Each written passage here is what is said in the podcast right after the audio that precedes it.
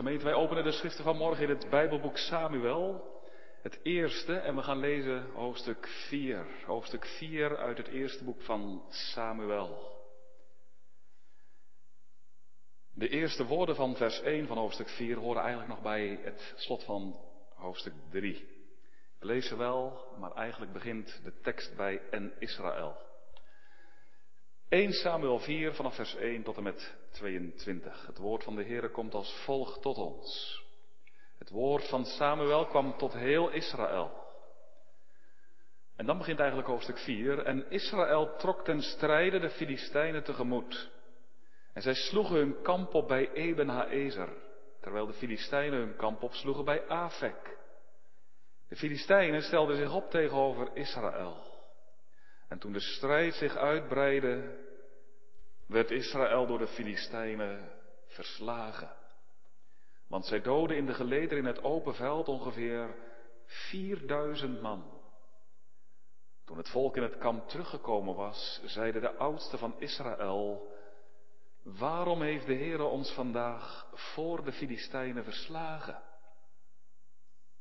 Laten wij vanuit Silo de ark van het verbond van de Heere bij ons nemen en laat die in ons midden komen, opdat die ons zal verlossen uit de hand van onze vijanden. Toen zond het volk boden naar Silo. En men bracht vandaar de verbondsark van de Heere van de legermachten, die tussen de Gerubs woont. En de twee zonen van Eli, Hofni en Pinehas, waren daar met de ark van het verbond van God. En het gebeurde toen de ark van het verbond van de Heere in het kamp kwam, dat heel Israël zo'n uitbundig gejuich aanhief, dat de aarde dreunde. Toen de Filistijnen het geluid van het gejuich hoorden, zeiden zij, wat betekent het geluid van dit uitbundige gejuich in het kamp van de Hebreeën? Toen vernamen ze, en toen ze vernamen dat de ark van de Heer in het kamp gekomen was, werden de Filistijnen bevreesd, want ze zeiden, God is in het leger gekomen. En ze zeiden, wee ons, want iets dergelijks is er sinds jaren en dag niet gebeurd. Wee ons, wie zal ons redden uit de hand van deze machtige goden? Dit zijn dezelfde goden die de Egyptenaren met alle plagen hebben getroffen bij de woestijn. Filistijnen, vat moed, wees mannen, anders zult u de Hebreeën moeten dienen zoals zij u hebben gediend. Wees mannen en strijd. Toen streden de Filistijnen en Israël werd verslagen. En ze vluchtten, ieder naar zijn tent. En de nederlaag was zeer groot. Er viel van Israël dertigduizend man voetvolk. En de ark van God werd meegenomen. En de twee zonen van Eli, Hofni en Pinehas, stierven. Toen snelde er een Benjamiet uit de gevechtslinie. En deze kwam diezelfde dag nog in Silo. En zijn kleren waren gescheurd en er was aarde op zijn hoofd. En toen hij aankwam, zie, Eli zat op de stoel aan de kant van de weg op de uitkijk, want zijn hart sidderde vanwege de ark van God. En toen die man kwam om het in de stad te vertellen, schreeuwde heel de stad het uit. Eli hoorde het geluid van het schreeuwen en hij zei, wat betekent het geluid van dit rumoer? En daarop haastte de man zich en kwam het Eli vertellen. Eli nu was een man van 98 jaar en zijn ogen waren star geworden, zodat hij niet meer kon zien. En de man zei tegen Eli, ik kom uit de gevechtslinie. En vandaag nog ben ik uit de gevechtslinie gevlucht. Hij zei, wat is er gebeurd, mijn zoon? Toen antwoordde de boodschapper en zei, Israël is voor de Filistijnen uitgevlucht. En ook is er een grote slachting onder het volk geweest. En bovendien zijn uw twee zonen, Hofni en Pinehas, gestorven. En is de ark van God als buit meegenomen. En het gebeurde toen hij van de ark van God melding maakte, Eli achterover van de stoel viel, aan de kant van de poort. Zijn nek brak en stierf, want de man was oud en zwaar. En hij had veertig jaar leiding gegeven aan Israël. En zijn schoondochter, de vrouw van Pinahas, was zwanger en zou baren. toen zij het bericht hoorde dat de ark van God als buit was meegenomen en dat haar schoonvader en haar man gestorven waren, kromde ze zich en baarde, want haar weeën overvielen haar. En omstreeks de tijd van haar sterven spraken de vrouwen die bij haar stonden, wees niet bevreesd, want u hebt een zoon gebaard. Maar zij antwoordde niet en nam het niet ter harte. En zij noemde het jongetje Ikaboot. En ze zei, de eer is weggevoerd uit Israël. En dit zei ze omdat de ark van God als buit was meegenomen en vanwege haar schoonvader en haar man. En zij zei, de eer is weggevoerd uit Israël, want de ark van God is als buit meegenomen. Tot zover de schriftlezing. Gemeente, wat gaat er een sprake uit van het overlijden van deze vrouw, de vrouw van Pinhas. Dat is om stil van te worden. Dat maakt ook diepe indruk. Bij de mensen toen, 3000 jaar geleden. Bij mensen vandaag. Deze vrouw, moeder, hoogzwanger, krijgt het ontstellende bericht dat haar man overlijdt, haar schoonvader. En ook hoort ze de ark van God, de verbondsark, is weg. En dan zien we dat ze in één krimpt. Ze slaat de armen om haar buik. Weeën overvallen haar. Ze brengt in doodsnood een kindje ter wereld. En ze sterft. Ze laat het leven. Overstelpend leed. Het hart van deze vrouw breekt. Wat is er de diepste reden van? Dat is wat ze zelf zegt. Als ze haar kindje ziet, horen we het vanaf haar stervende lippen noemen Ikaboot. Zo moet mijn kindje heten, Ikaboot. Waarom? Omdat de eer van de Heere is weggevoerd. Dat is wat haar zo ontzagwekkend diep treft. Ikaboot, zegt ze. En dat is opmerkelijk. Wij lezen niet van de naam van de vrouw van Pinhas, maar wel van de naam van dit kindje. Ikaboot. De eer van God is weg. En dat heeft ons veel te zeggen, ook vandaag. En daarom willen we er vanmorgen ook met de hulp van de Here bij stilstaan. Uitgangspunt voor de prediking vindt u in 1 Samuel 4, 21 en 22. Ik wil het graag nog één keer voorlezen. Wij horen de vrouw van Pinahas spreken. Vers 21. De eer is weggevoerd uit Israël. En dit zei ze omdat de ark van God was meegenomen en vanwege haar schoonvader en haar man. En zij zei, de eer is weggevoerd uit Israël, want de ark van God is meegenomen. Thema voor de prediking van morgen, Ikaboot. De naam van dat babytje. Ikaboot. Gemeente, het Joodse volk leidt een gevoelige nederlaag. Maar liefst 4000 militairen komen om in een veldslag met de Filistijnen. 4000. 4000 jonge mannen sneuvelen. 4000 families worden in rouw gedompeld. Een spoor van leed trekt door Israël heen. Crisis onder het Joodse volk.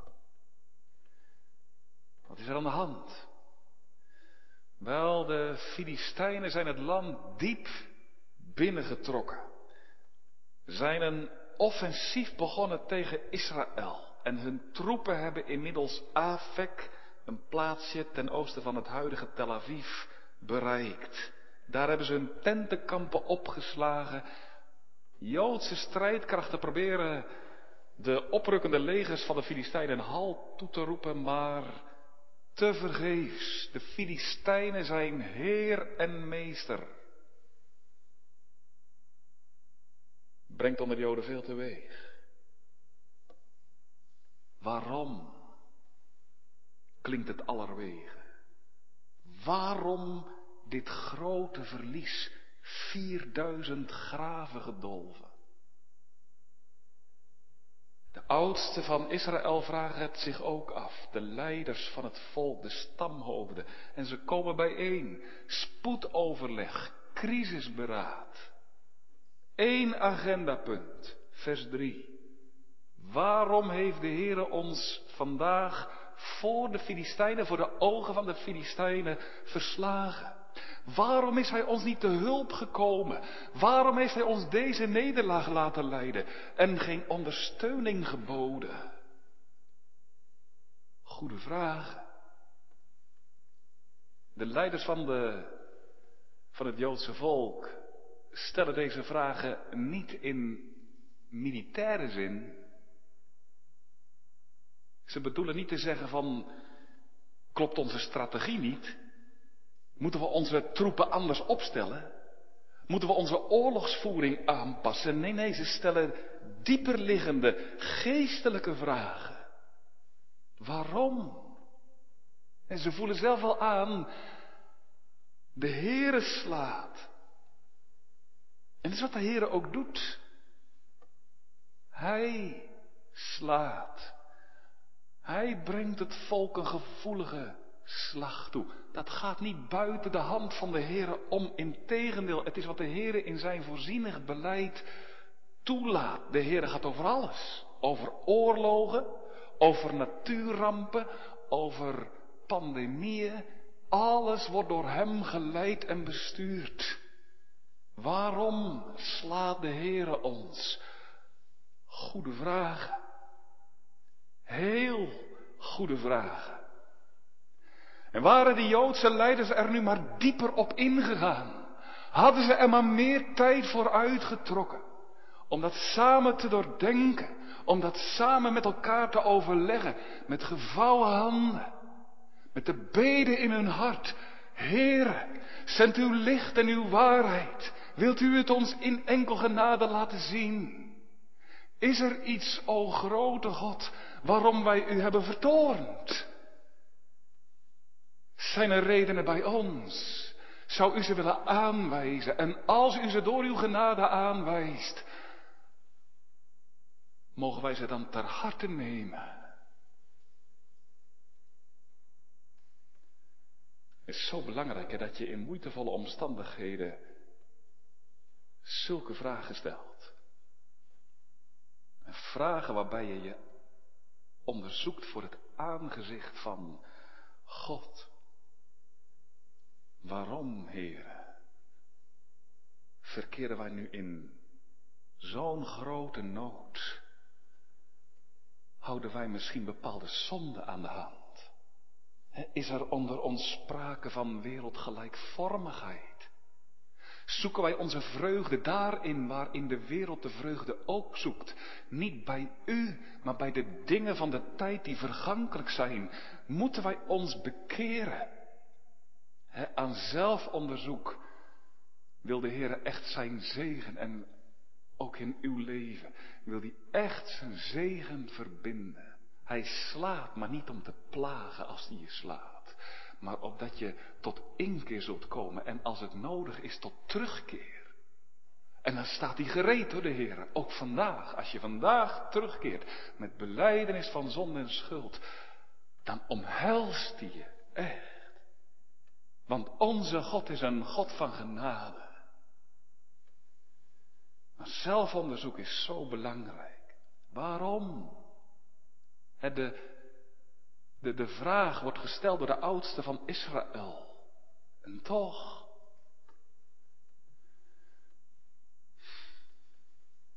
Ze zijn eigenlijk helemaal niet verlegen om een antwoord van de Heer.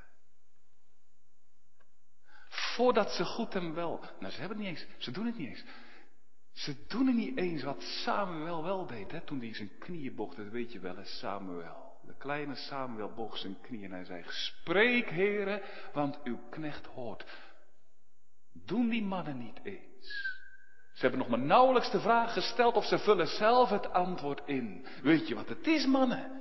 De ark van God is niet in ons midden. Dat is het. De ark van het verbond. De verbondsark, het teken van Gods nabijheid. Tuurlijk. Ze zijn eruit. En ze besluiten zo, huppatee, de ark van God te gaan halen. dat is wat nu in deze crisis geboden is. Weten ze zeker. Dat is wat God van ons vraagt. Denk je ook niet? Nou, ik denk het ook. En dan gaan ze, boden, op pad gestuurd door de oudste van Israël, om de ark vanuit het heiligdom in Silo over te brengen naar het leger van het Joodse volk. De ark. De Heer had de ark gegeven tijdens de woestijnreis eeuwen geleden. Een ark was het meest geheiligde voorwerp van de tabernakel. Het was een houten kist met goud overtrokken.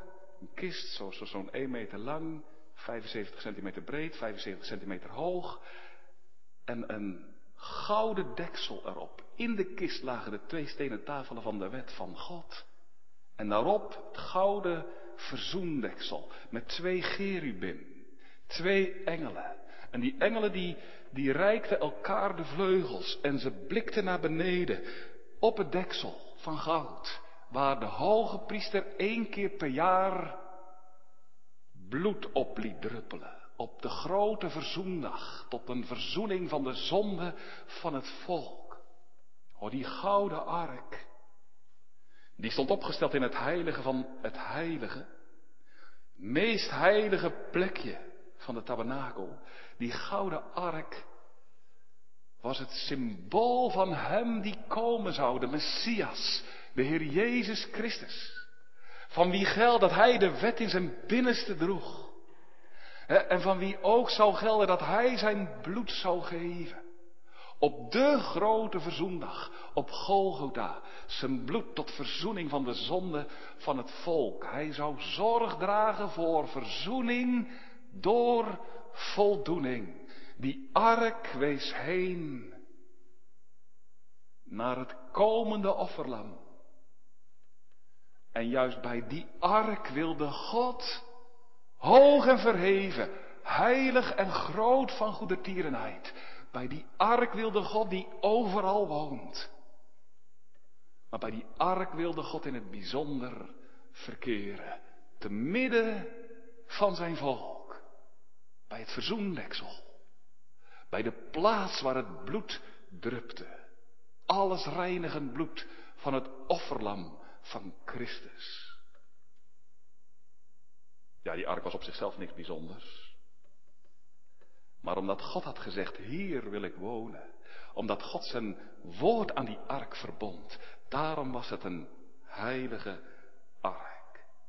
En wat een voorrecht was het voor het Joodse volk. Oneindig groot dat God nu bij die ark wilde wonen. Te midden van zondaren. Nou, de oudsten van Israël zeggen, laten we de ark halen. Teken van Gods tegenwoordigheid. En laten we dan de strijd met de Filistijnen opnieuw aanbidden. En dan zullen we ongetwijfeld onze vijanden een beslissende slag kunnen toebrengen. Als de ark bij ons is. Als de gouden kist in ons midden is. God zelf. Zullen we dan niet winnen? Is dat niet wat God zelf belooft? Als God bij ons is en met ons is, wie zal dan tegen ons zijn? En ja hoor, het duurt niet lang of daar komt de ark. Het goud schittert in het zonlicht. Hofni en Pineas, twee zonen van hoge priester Eli, gestoken in witte priestergewaden, wandelen ernaast. En zodra de mannen hen zien en de ark zien, gaat er een groot gejuich op. De aarde dreunt ervan. Ah, nou kan het niet meer misgaan. Nu zal het lukken. Als God er zelf bij is, God zal zeker voor ons gaan strijden. Is wat hij toch belooft. Vrees niet, is dat niet zijn eigen woord? Ik ben met u lieden, alle dagen. De mannen juichen. Ik kan me zomaar indenken dat ze misschien wel een psalm hebben aangeheven. Juich aarde, juich alom de Heer. Dient God met blijdschap en geef Hem eer.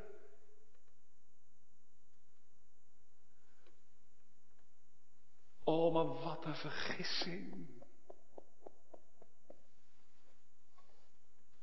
Aangrijpend zal straks ook blijken.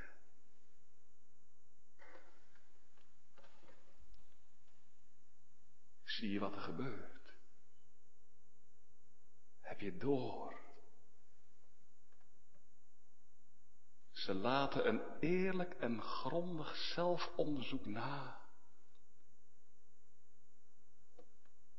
En ze verzekeren zichzelf van de gunst en de nabijheid van God.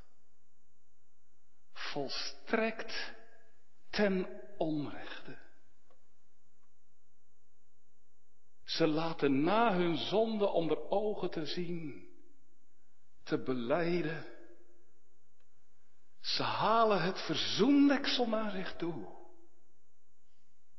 En ze drukken het elkaar op het hart. En God is met ons. Kan niet verkeerd gaan. Oh, oh, dat is wat. Weet je wat ze doen?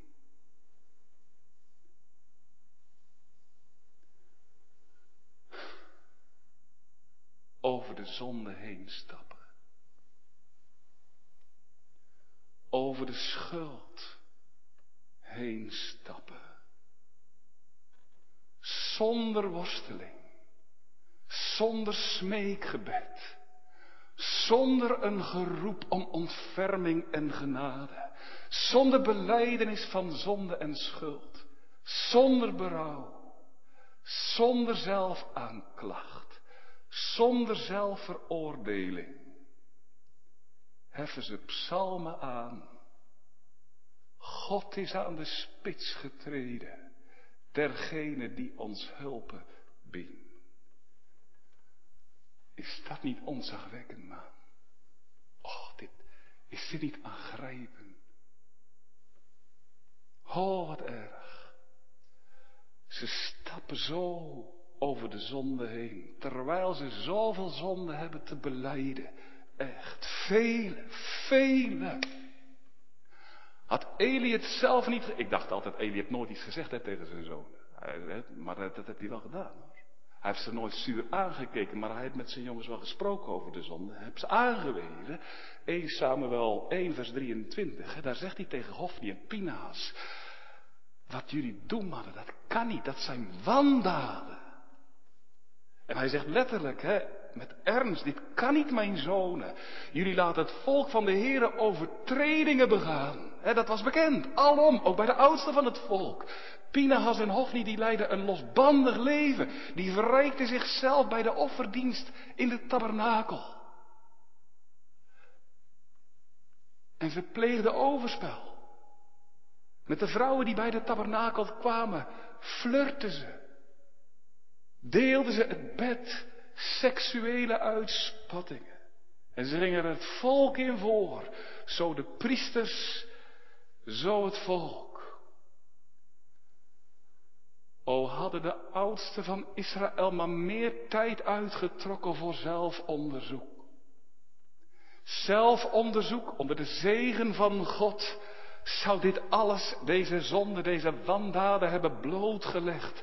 Zelfonderzoek zou er onder de zegen van God toe hebben geleid dat ze in verbrokenheid hun zonde zouden hebben erkend en beleden en dat ze zouden hebben gebeden, gena, o God, gena, verschoon mij toch naar uw barmhartigheden. Maar nee, we halen de ark en God is met ons.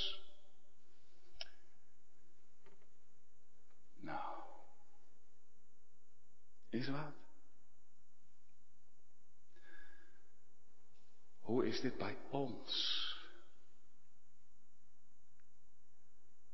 Is dit ook wat zich onder ons voltrekt?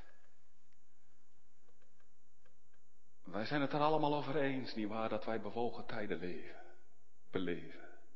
Tijden van crisis, tijden van pandemie en polarisatie. En is het nu ook voor ons niet gepast om, net als de oudste van Israël, de vraag te stellen, waarom, Heer?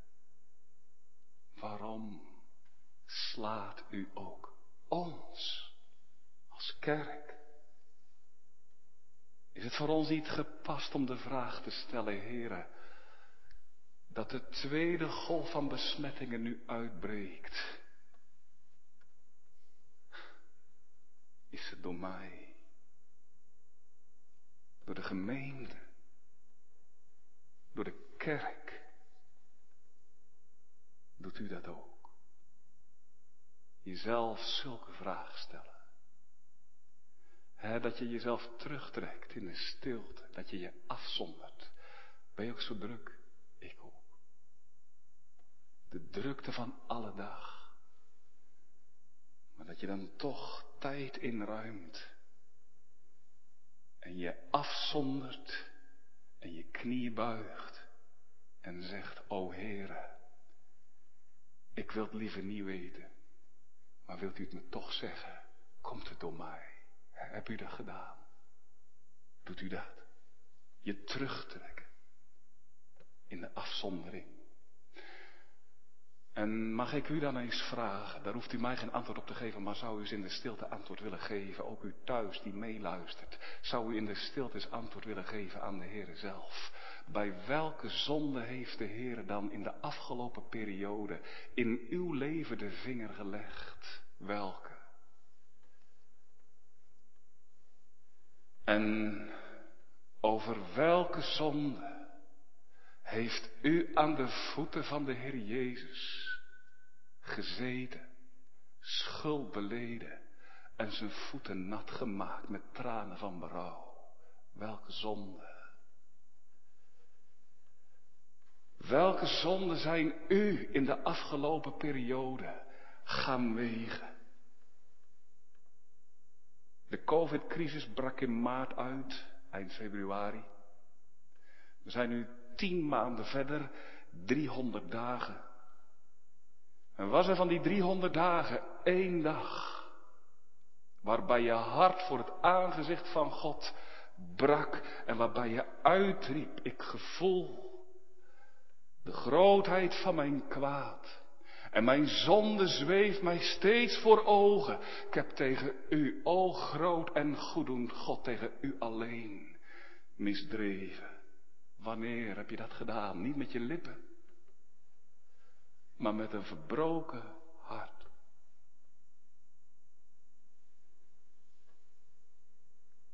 Weet je wat zo'n groot gevaar is?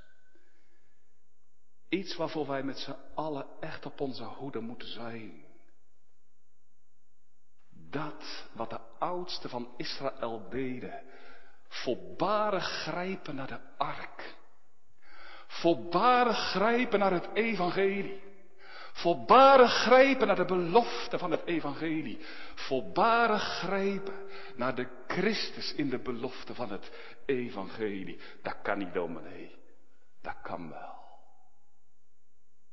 Dat is wat hier gebeurt bij de mannen van Israël. Die mannen die juichen, God is met ons. Terwijl het, en wat zo onzagwekkend is, terwijl God al meer en meer zich terugtrekt. O vriendin, God wil dat niet. Dat wij over de zonde en de schuld heen stappen. God wil de wond openleggen voordat hij er balsem ingiet is wat we Hanna horen zingen. 1 Samuel 2, vers 6 en 7. Dat moet je echt onthouden. Moet je echt, dat, dat moet je nou ook eens zingen thuis. De Heere doodt en maakt levend. De Heere vernedert en verhoogt. De Heere maakt arm en maakt rijk. Dat is zijn werk. En dat is ook de orde in zijn werk. En wat doen wij? Wat doen wij? Waartoe zijn we geneigd als we niet oppassen? En daarom is het zo belangrijk dat we dit ook tegen elkaar zeggen in alle eerlijkheid. Ook in alle ootmoed. Waartoe zijn wij geneigd?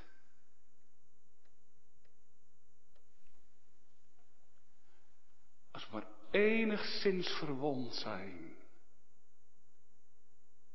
Ons te laten, ik bedoel het eerbiedig, maar ik wil het vanmorgen toch zeggen. De wonden te laten dichtsmeren met de belofte van het evangelie, meteen. Zodra ons geweten maar iets gaat spreken, dan zeggen we tegen onszelf en tegen anderen, maak je geen zorgen joh, God zorgt. Doet hij altijd. Hij is goed, hij is altijd bij je. En God vergeeft je je zonde en hij zal je nooit verlaten. Zo, zo redeneren velen vandaag.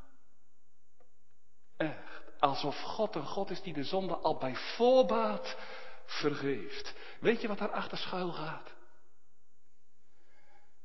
Daar gaat schuil, wat schuil gaat achter het doen en laten van deze mannen van Israël. Hebben ze waarschijnlijk zelf helemaal geen erg in. En als wij het doen, hebben we er misschien ook wel helemaal geen erg in. Maar, maar wat ze doen, die mannen en, en, en u en ik misschien ook wel. En daarom is het goed om jezelf daarop te onderzoeken. Wat die mannen in Israël doen en wat ook onder ons kan voorkomen. Weet je wat?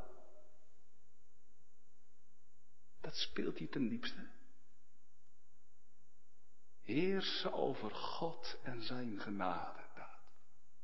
Heersen over God en zijn genade. God naar je hand zetten. De genade naar je hand zetten. De Zoon van God, Christus, naar je hand. Over hem beschikken. Hem laten doen wat je zelf wil. Hem gezeggen.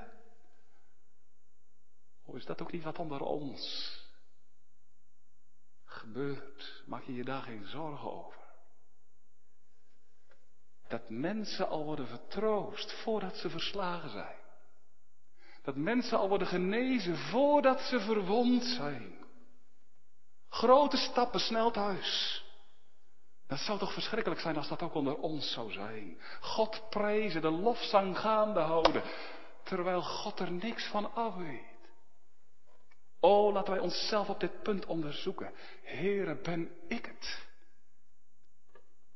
Laten wij tot onszelf inkeren, want wij lopen gevaar. Dat wat dat gebeurt, hè, wat gebeurt hier bij het volk van God. En dat zou het aller, allerergste zijn, dat God gaat wijken zonder dat we er erg in hebben. Terwijl we misschien op psalmen en liederen zingen. Want God laat het niet toe. Dat wij over Hem heersen en over Zijn genade. God is de soevereine, vrij, die zelf genade uitdeelt en die zelf daar vrij in is en die aan mensen niets verplicht is. Dan zie je wat er gebeurt. Zodra de ark in het leger is, hè, dan binden de Joodse troepen inderdaad de strijd aan met de Filistijnen. Maar oh, wat loopt dat uit op een tragedie. Heel anders dan waarop ze hadden gerekend. Ze lijden een enorm verlies. Vers 10 en 11. 30.000 militairen komen om het leven. Twee priesters, zoden van Eli, sneuvelen. En, en dat houdt werkelijk niemand voor mogelijk, maar het is wel wat gebeurd. De Filistijnen maken de ark buit. En juichend en joelend gaan ze er met de gouden kist teken van Gods nabijheid vandoor. O vreselijk. En dan duurt het niet lang. Of dit bericht bereikt ook Silo. Eli hoort het. En zodra hij het hoort, sterft hij. En dan komt het bericht Vrijwel onmiddellijk ook bij de schoondochter van Eli, de vrouw van Pinhas. Zij hoort het ook en ze is misschien wel bezig in haar tent. Bezig met het huishouden, hoogzwanger, ze loopt op het laatst. Maar o, als dan dat ontstellende bericht haar bereikt, dan krimpt ze ineen. Weeën overvallen haar. Smart, pijn. O, wie zal toch zeggen wat er door deze vrouw heen gaat? En dan worden er in allerijl kraamvrouwen bij haar geroepen. En voordat die er goed en wel zijn, brengt ze in doodsnood een kindje ter wereld. Een zoon. Maar ho, deze jonge moeder houdt het niet. Het leven vloeit uit haar weg. En de dood komt nabij. En dan krijgt ze nog een laatste blik te slaan op haar kindje. Ze ziet met gebroken ogen haar kleine jongetje. En dan klinkt het vanaf haar stervende lippen. Ikaboot. Ikaboot. Zo moet mijn kindje heten. Want de eer is weggevoerd.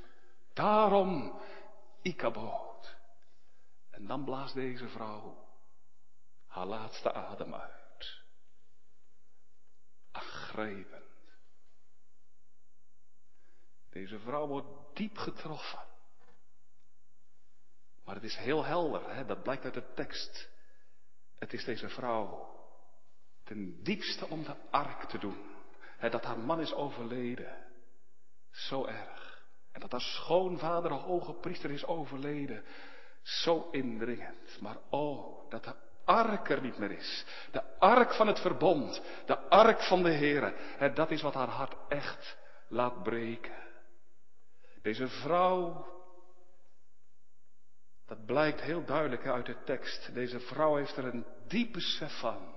De ark is de teken van de nabijheid van God. Geen ark. Geen genade. Geen ark. Geen leven. Geen ark. Geen verzoening. Als de ark weg is, is de nabijheid van God ook weg. De gunstrijke nabijheid van God.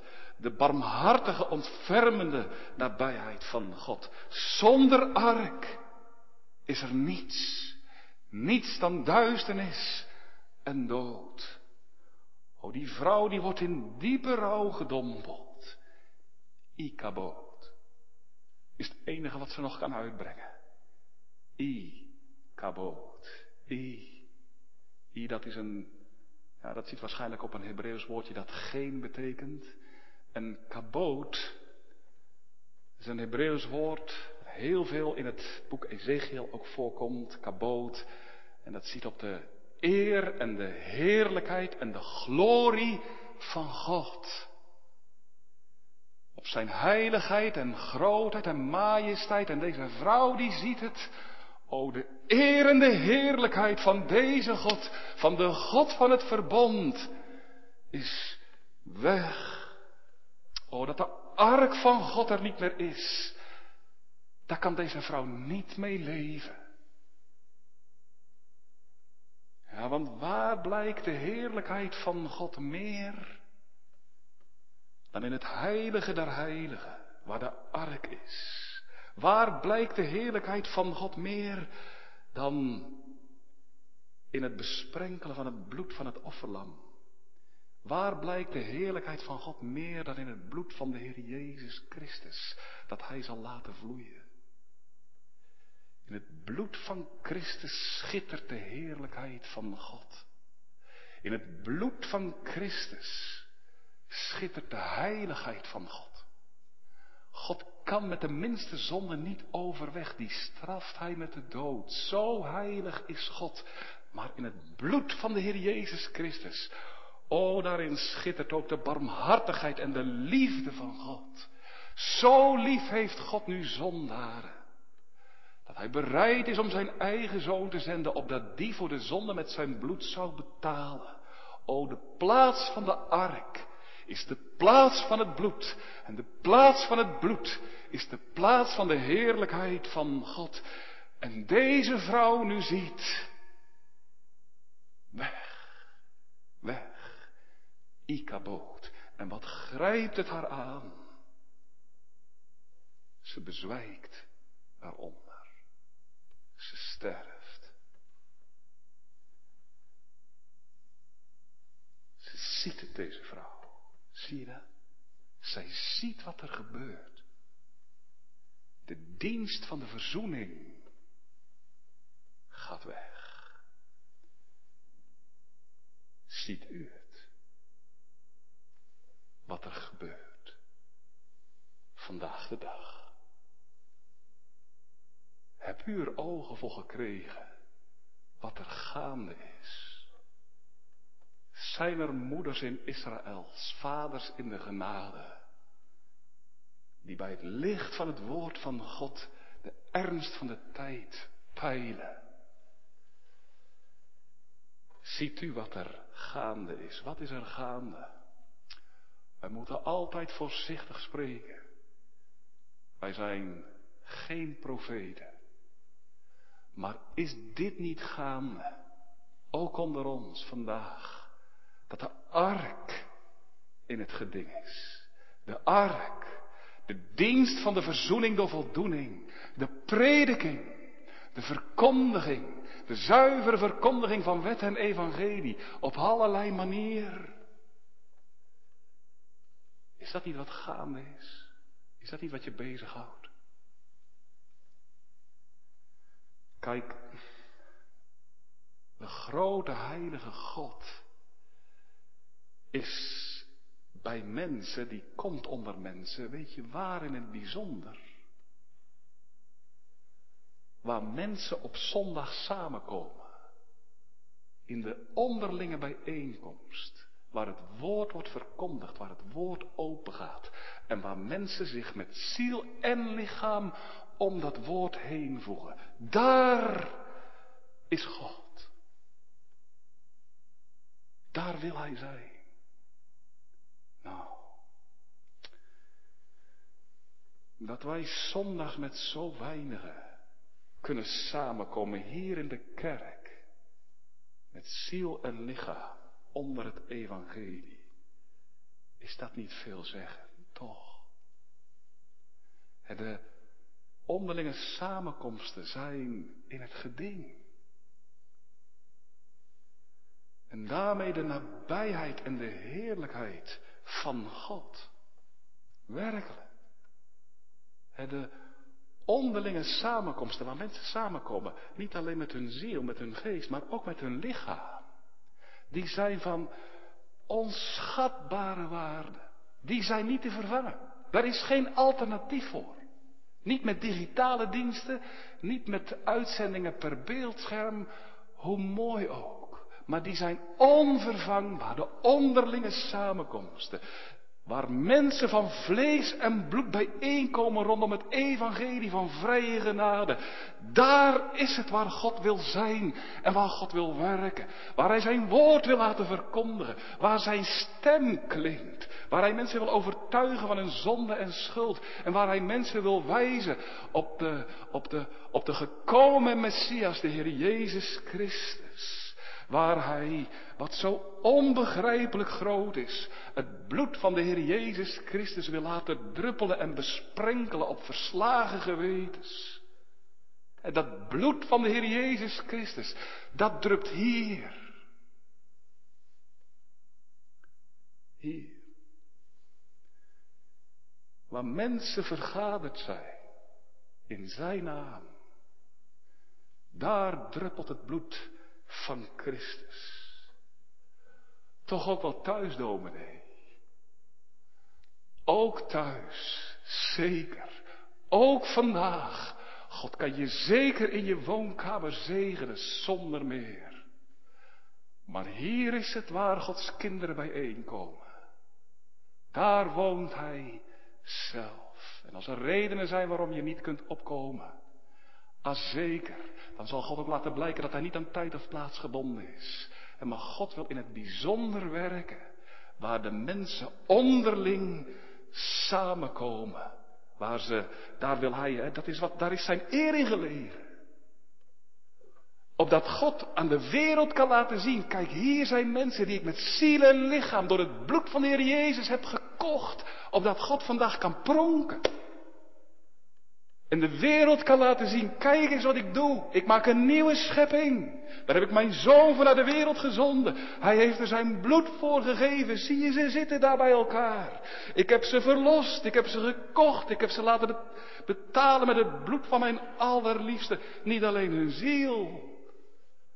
Nee, nee, nee, nee. Ook hun lichaam. Kijk maar, daar zitten ze. Daar zitten ze. Allemaal van mij. Kijk, dat, dat is in het geding.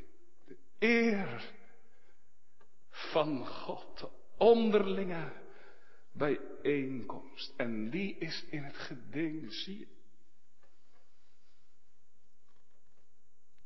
En is dat nu niet vreeswekkend?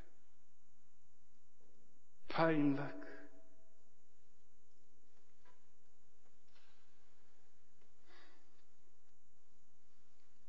Je ligt ook wel eens wakker, hè? S'nachts. Toch? Als het met je bedrijf niet goed gaat. Als je financieel niet rond kunt komen. Als je een conflict hebt. Misschien in je familie. Dan kan je de slaap niet pakken en je ligt maar te woelen. Hoe moet het toch? Misschien zo, misschien zo. Maar mag ik u nu eens vragen? Bent u zo ook wel eens bezorgd in de weer? Met de samenkomsten. Met de eer van God. Met de prediking. Met de bediening der verzoening. In de verkondiging van wet en evangelie. O wat als God de ark geheel gaat wegnemen. Wat als de prediking ophoudt. Wat als er geen profetie meer is? Wat als de lamp wordt geblust? Wat als de Heilige Geest zich gaat onttrekken, terwijl misschien alles toch op een of andere manier doorgaat en vervolg krijgt? Wat als de Heilige Geest er zijn kracht van gaat ontnemen en als Christus zich al verder en verder terugtrekt? Ah, dat zal niet gebeuren, dominee, want God is er altijd en God zorgt altijd voor je en God is een God van het verbond. Oh. Ik heb daar eigenlijk niks op te zeggen als je zo praat. Maar mijn Bijbel zegt het zo niet. En mijn Jezus zegt het zo ook niet. Hij waarschuwt de gemeente in openbaring. Als ge u niet bekeert, dan zal ik de kandelaar, de ark, de bediening der verzoening wegnemen. Dan zal ik de prediking van de wet Ontdekkend, ontgrondend, onmaskerend wegnemen. Dan zal ik het evangelie, de verkondiging van vrije genade, verzoening door het bloed van de Heer Jezus Christus, wegnemen. Oh, wat als God dat gaat doen. Toch? Dan houden we niks meer over. De dood. De duisternis het verderf. Dan wordt alles koud en doods. Ikaboot. Ernstige stoffen vind je dat ook niet. Ik durfde er gisteravond eigenlijk niet over te preken. Wat aangrijpend. Dominee, wat staat ons te doen? Wat kunnen we? Ja.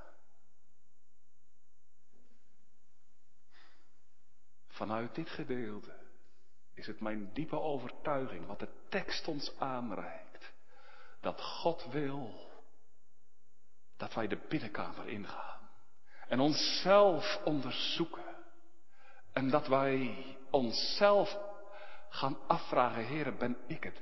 Welke zonden zijn er in mijn leven waarvan u wil dat ik ze beleid en waarvan u wil dat ik mij bekeer? dat je bij jezelf nagaat, wie ben ik voor de Heere?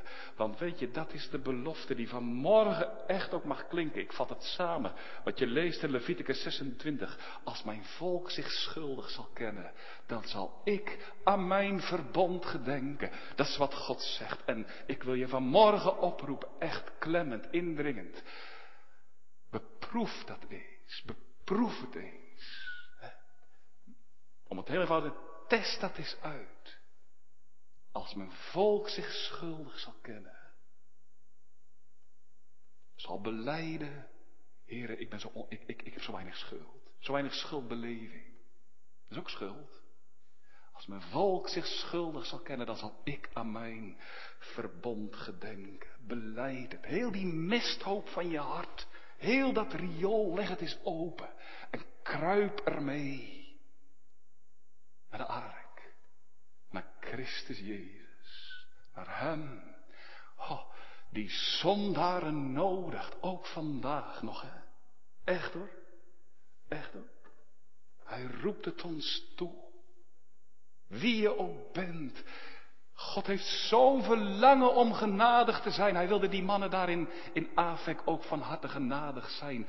Oh, als ze hun zonde toch zouden hebben beleden, dan zouden ze een heel ander gebruik van de ark hebben gemaakt. Dan zouden ze zeggen, oh God, wat bent u groot van goede tierenheid en van liefde en van ontferming. Nou, vlucht naar de Heer Jezus Christus, want Hij roept, kom met je zonde, bedek ze niet, maar haal ze naar boven. Sla jezelf op de borst, veroordeel jezelf en roep het uit. Wees mij de zondaar genadig. Kan dat echt? Mag dat echt? Dominee, u hebt juist zo gewaarschuwd om niet te regeren over de Heer Jezus en niet om, om, om over Hem te heersen. En, en dat wij niet over Hem kunnen beschikken. Mag ik tot Hem komen? Ik snap die vraag heel erg goed. Maar dan wil ik je vanmorgen wijzen op de Heer Jezus en dan, en stel ik je een andere vraag. Wij gaan niet over de Heer Jezus, echt niet. Wij kunnen Hem niet bedillen, echt niet. Maar mag de Heer Jezus vandaag over u gaan? En mag Hij het in uw leven voor het zeggen krijgen. U regeert Hem niet. En maar vindt u het nou goed dat Hij u gaat regeren? Dat. Dat Hij in uw leven het voor het zeggen krijgt. Dat u Hem niet naar uw hand zet, maar dat Hij u naar Zijn hand zet. Oh, dat is wat Hij het allerliefste heeft. Als wij over hem gaan heersen en zeggen, oh nee, maar hij heeft bij ons horen en hij vergeeft al onze zonden en we kunnen lekker ons eigen leven verder leiden. Hij wijkt, hij wijkt, hij wijkt, hij wijkt. Is hij mee bezig, is hij mee bezig. Oh, maar God vergeeft het, hij houdt van je, joh. Altijd wat je doet.